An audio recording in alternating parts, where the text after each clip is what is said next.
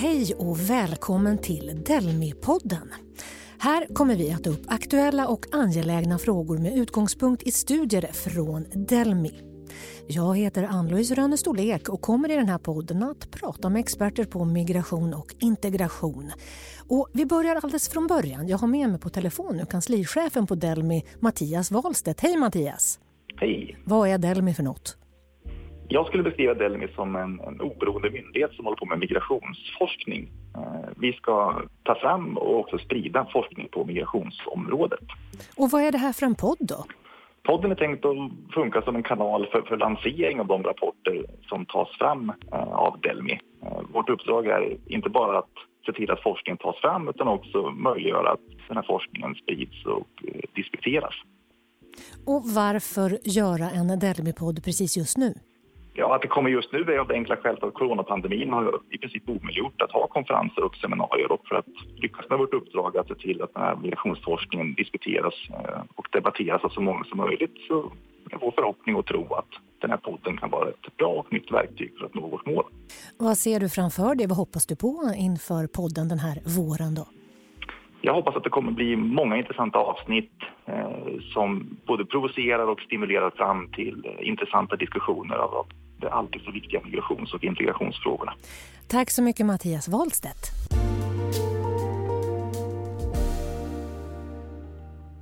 Ja, och i det här allra första avsnittet av Delmi-podden så är det faktiskt coronatema.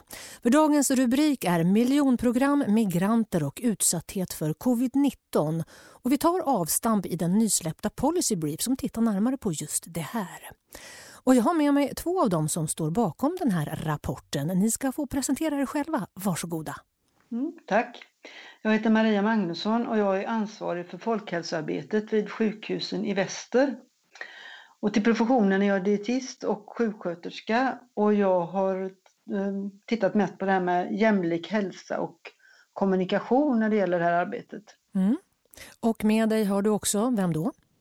Eh, Erik Hansson. Jag är ST-läkare i allmänmedicin och eh, doktorand på avdelningen för eh, samhällsmedicin och eh, folkhälsa i Göteborg och jag har mest arbetat med statistiken i den här rapporten. Mm. Ni är varmt välkomna båda två till första avsnittet av Delmi-podden. Först så undrar jag så här, när jag har tittat igenom policybriefen så framgår det tydligt att eh, covid-19-pandemin 2020 drabbade den svenska befolkningen ojämlikt och man kunde se en överdödlighet bland socioekonomiskt utsatta. Eh, Erik, om vi börjar med dig. I vilken grad har migranter riskerat att få och sprida smittan? Vad är det ni har funnit?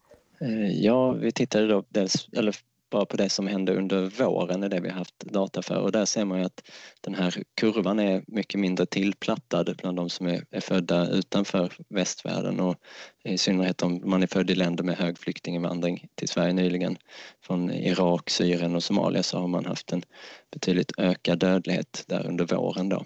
Mm.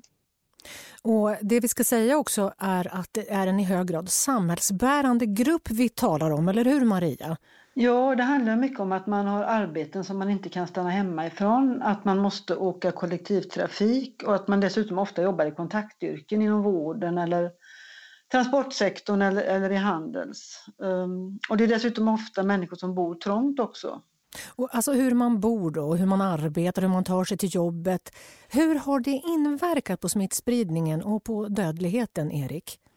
Ja, jag tänker det är svårt att liksom bena ut de enskilda faktorerna från varandra utan man får, man får liksom tänka på hela sammanhanget och hur eh, personer i nätverket som vi alla är en del av, liksom att det, ser, det är olika mycket kontakter, olika möjligheter att minska kontakterna under social distansering. Och sen har vi också en segregation som gör så att det, liksom, det koncentreras kontakter eh, inom vissa delar av samhället, att det blir tätt inom en viss del och sen så blir det mycket glesare med kontakter i en annan del när man säger till befolkningen att minska sina sociala kontakter. Och det är nog det vi har sett som har liksom gett de här skillnaderna, det tror vi. Vad är det tydligaste? Exempelvis hur stor överdödlighet handlar det om egentligen, Erik? Ja, under mars till maj eh, då, eh, 2020 så var det ungefär tre gånger så många eh, som dog eh, bland de som var födda i Somalien, Syrien och Irak jämfört med tidigare år. Sen har det ju skett en viss befolkningsökning också där men det, det kan liksom inte alls förklara den ökade dödligheten. Så.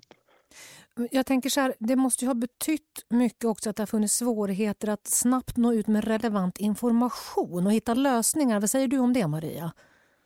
Ja, alltså om man inte, om man inte motarbetar ojämlikhet så växer den. Det är en, det är en gammal kunskap och man behöver ju då inkludera även andra perspektiv än sina egna. Så att vad man borde gjort från början är att mera gå ut och höra sig för vad folk med de här, i de här omständigheterna tycker att de behöver för stöd.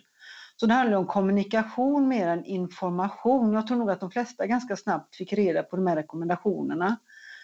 Eh, utan eh, man borde också samlat in kunskap och perspektiv från den delen av befolkningen som inte kan stanna hemma eh, och så vidare.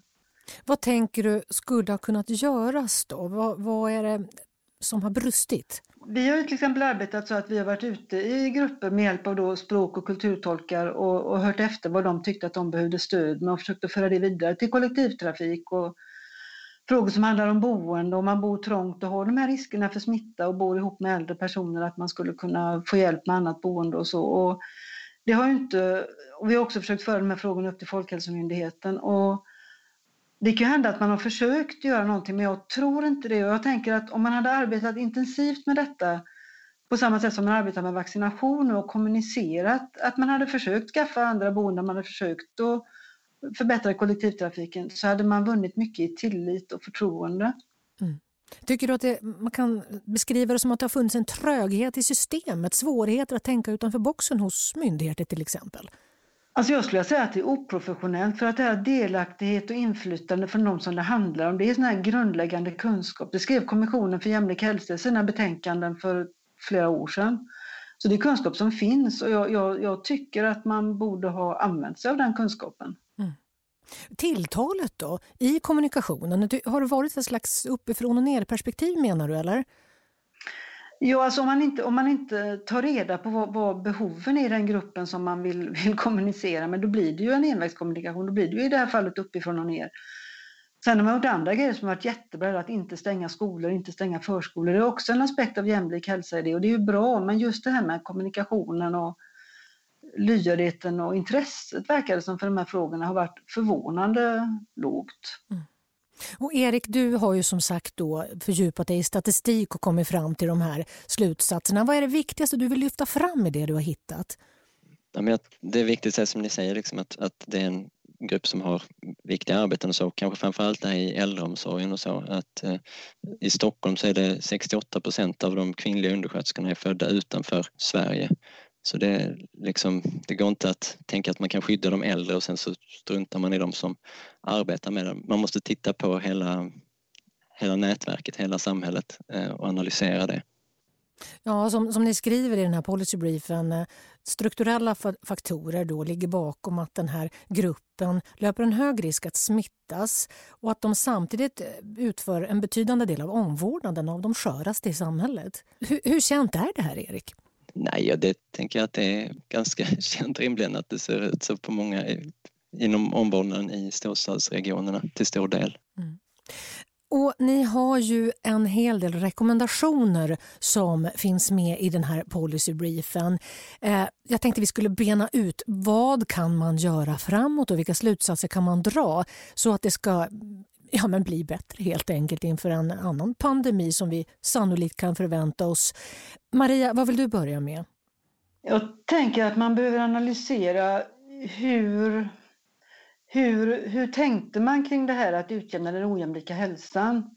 Alltså vilka överväganden gjorde man som vi skriver då eh, och varför har man inte gjort de övervägandena i den mån man inte har gjort det? För att det är på något sätt det det handlar om, att man borde tänkt från början hur ska vi minska de här klyftorna? Hur ska vi se till att de som löper störst risk inte drabbas värst? Mm.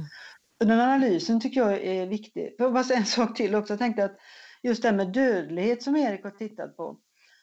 Det finns ju också andra skäl till att dödligheten var stor i den här gruppen. Det är att det finns ju sjukdomar som också är bundna till levnadsförhållanden som som högt blodtryck, hjärt och kärlsjukdomar, diabetes som finns i högre grad i de här grupperna. Så det, man, dels löper man högre risk att bli smittad och sen också drabbades man hårdare när man väl var smittad. Mm. Och Erik, vad tänker du? Vad är det viktigaste lärdomen att dra framåt? Ja, jag tänker att det är, det är viktigt att man försöker satsa på att ha en, en sjukvård som är tillgänglig för alla, liksom en, en primärvård där jag arbetar, att den, att den liksom finns ute i lokalsamhället, att man inte går mot den här utvecklingen mot att digitalisera och ha vård på distans och så, för det, det har man ju det har sett att det missgynnar de svagaste grupperna, de som har svårast att, att ta, ta till sig den typen av vård och också så förlorar liksom sjukvårdssystemet den kontakten och den kännedomen om lokalsamhället och kanske också i tillit. Liksom. Och det tänker jag att det behöver man ha på plats för att snabbt kunna agera i nästa pandemi. Mm, så inte för mycket digitaliserad vård säger du? Nej, jag, det är väl inget som jag liksom har något bevis för att det inte är bra men jag tänker att man måste ha vård ute i samhället, ha personer som, mm. som, som vet hur saker ser ut på liksom en plats. Mm. Maria, vad tänker du kring det som Erik är inne på här? Jo, men jag håller helt med och jag, jag tänker på den här utredningen God och nära vård som ju talar just om detta att vården måste utformas eh, lokalt så att den är nära invånarna och så att den uppmuntrar deras möjligheter att, att ta hand om sig och på ett sätt som, som behövs för dem det berör. Eh, så det är precis i samklang med, eh, med detta. Det, det måste komma förslag och organisation uppifrån men det behöver också växa upp goda initiativ underifrån som tas tillvara. Det finns många olika sätt att göra detta på. Mm. Rent kommunikativt då, du har ju varit inne på det under det här samtalet Maria, vad ser du är de viktigaste åtgärderna? Ja, om man tänker nu inför vaccination och så, så, så tycker jag att man på, överallt skulle försöka gå ut ifrån folkhälsoplanerare och myndighetspersoner och försöka få kontakt via olika föreningar och grupper. Det handlar inte bara om folk med annat språk. Det kan vara en en uh, förening för motorintresserade eller PRO eller uh, körer eller vad som helst. Och man frågar, vill ni vi ska komma ut och, och, och prata kring de här frågorna med vaccination? Vad, vad har ni för frågor och bekymmer och, och vad, vad, undrar ni och vad kan vi göra för att underlätta hela processen? Mm. Alltså ett mycket, mycket närmare sätt att arbeta till, till invånarna och det är viktigast för dem som har den sämsta hälsan men det är också, det skulle gynna alla. Erik, vad tror du? Kan det vara så att det finns ett eh, så att säga, öppet fönster just nu hos myndigheter, politiker och tjänstemän? Alltså större möjligheter att testa nya arbetssätt och ta till sig de här faktauppgifterna och ändra på rutiner? Ja, det, det tror jag. Det, det, det, hoppas jag. Sen, eh, jag tycker det är jättebra att vi vågar liksom ta upp och prata om det och om hälsa och smittspridning, hur det påverkas av levnadsförhållanden för att, så att vi kan komma framåt och att vi inte liksom är för rädda för att det har som det är nu kopplingar till liksom, migration och etnicitet och så känsliga ämnen utan att vi ändå gör något konstruktivt av, av situationen nu. Och känsliga ämnen säger du, menar att det kan bli stigmatiserande för de här grupperna? Ja, precis. Att man inte fokuserar på kulturella faktorer eller liksom attityder eller så, utan att egentligen ha några tydliga belägg för det. När det ser tydligt olika ut, de levnadsförhållanden man lever i, att man kan titta på det. Sen kanske det finns andra faktorer också som spelar roll. Ehm, men jag tycker det är viktigt att man har belägg för det då, för det kan slå väldigt fel. Liksom. Mm. Vi ska ta avrunda hörni. Eh, om vi tänker framåt nu, eh, ytterligare ett år till exempel. Vad tror ni har hänt då? Vi börjar med dig Maria. Jag tror ju verkligen att eh, det finns väldigt stort intresse för nya sätt att arbeta som vi har pratat om. Jag tror det finns en väldigt god vilja på, alltså bland myndigheter till exempel som jobbar med detta att, att nå bättre resultat när det gäller en jämlik hälsa. Så jag tror vi kommer att ha lärt oss mycket av den här pandemin och sen, sen hoppas jag ju att det blir en annat politiskt avstamp för att minska segregeringen i samhället. För det är det som är grundproblemet, att, att det är så låg representativitet från vissa grupper i, bland de som fattar beslut och vidtar åtgärder och så. Och Erik, vad vill du ge för medskick till den som lyssnar på det här? Jag håller med Maria där och liksom att, också att vi inte tänker för kortsiktigt utan också tänka långsiktigt i det här arbetet att det kommer komma nya pandemier säkert antagligen och att man bygger eh, upp en eh, kompetens och kontakter och förtroende inför det genom att arbeta förebyggande och lokalt redan nu. Tack så mycket för att ni var med i Delmi-podden Maria Magnusson och Erik Hansson. Mm, tack. Tack. Ja, det här var då första avsnittet av Delmi-podden och för dig som vill veta mer om det här ämnet så är det bara att gå in på delmi.se. Och där kan du naturligtvis också läsa den här policybriefen som faktiskt släpps idag. miljonprogram, migranter och utsatthet för covid-19. Nästa avsnitt av Delmipodden kommer i mars. På återhörande då. Hej då!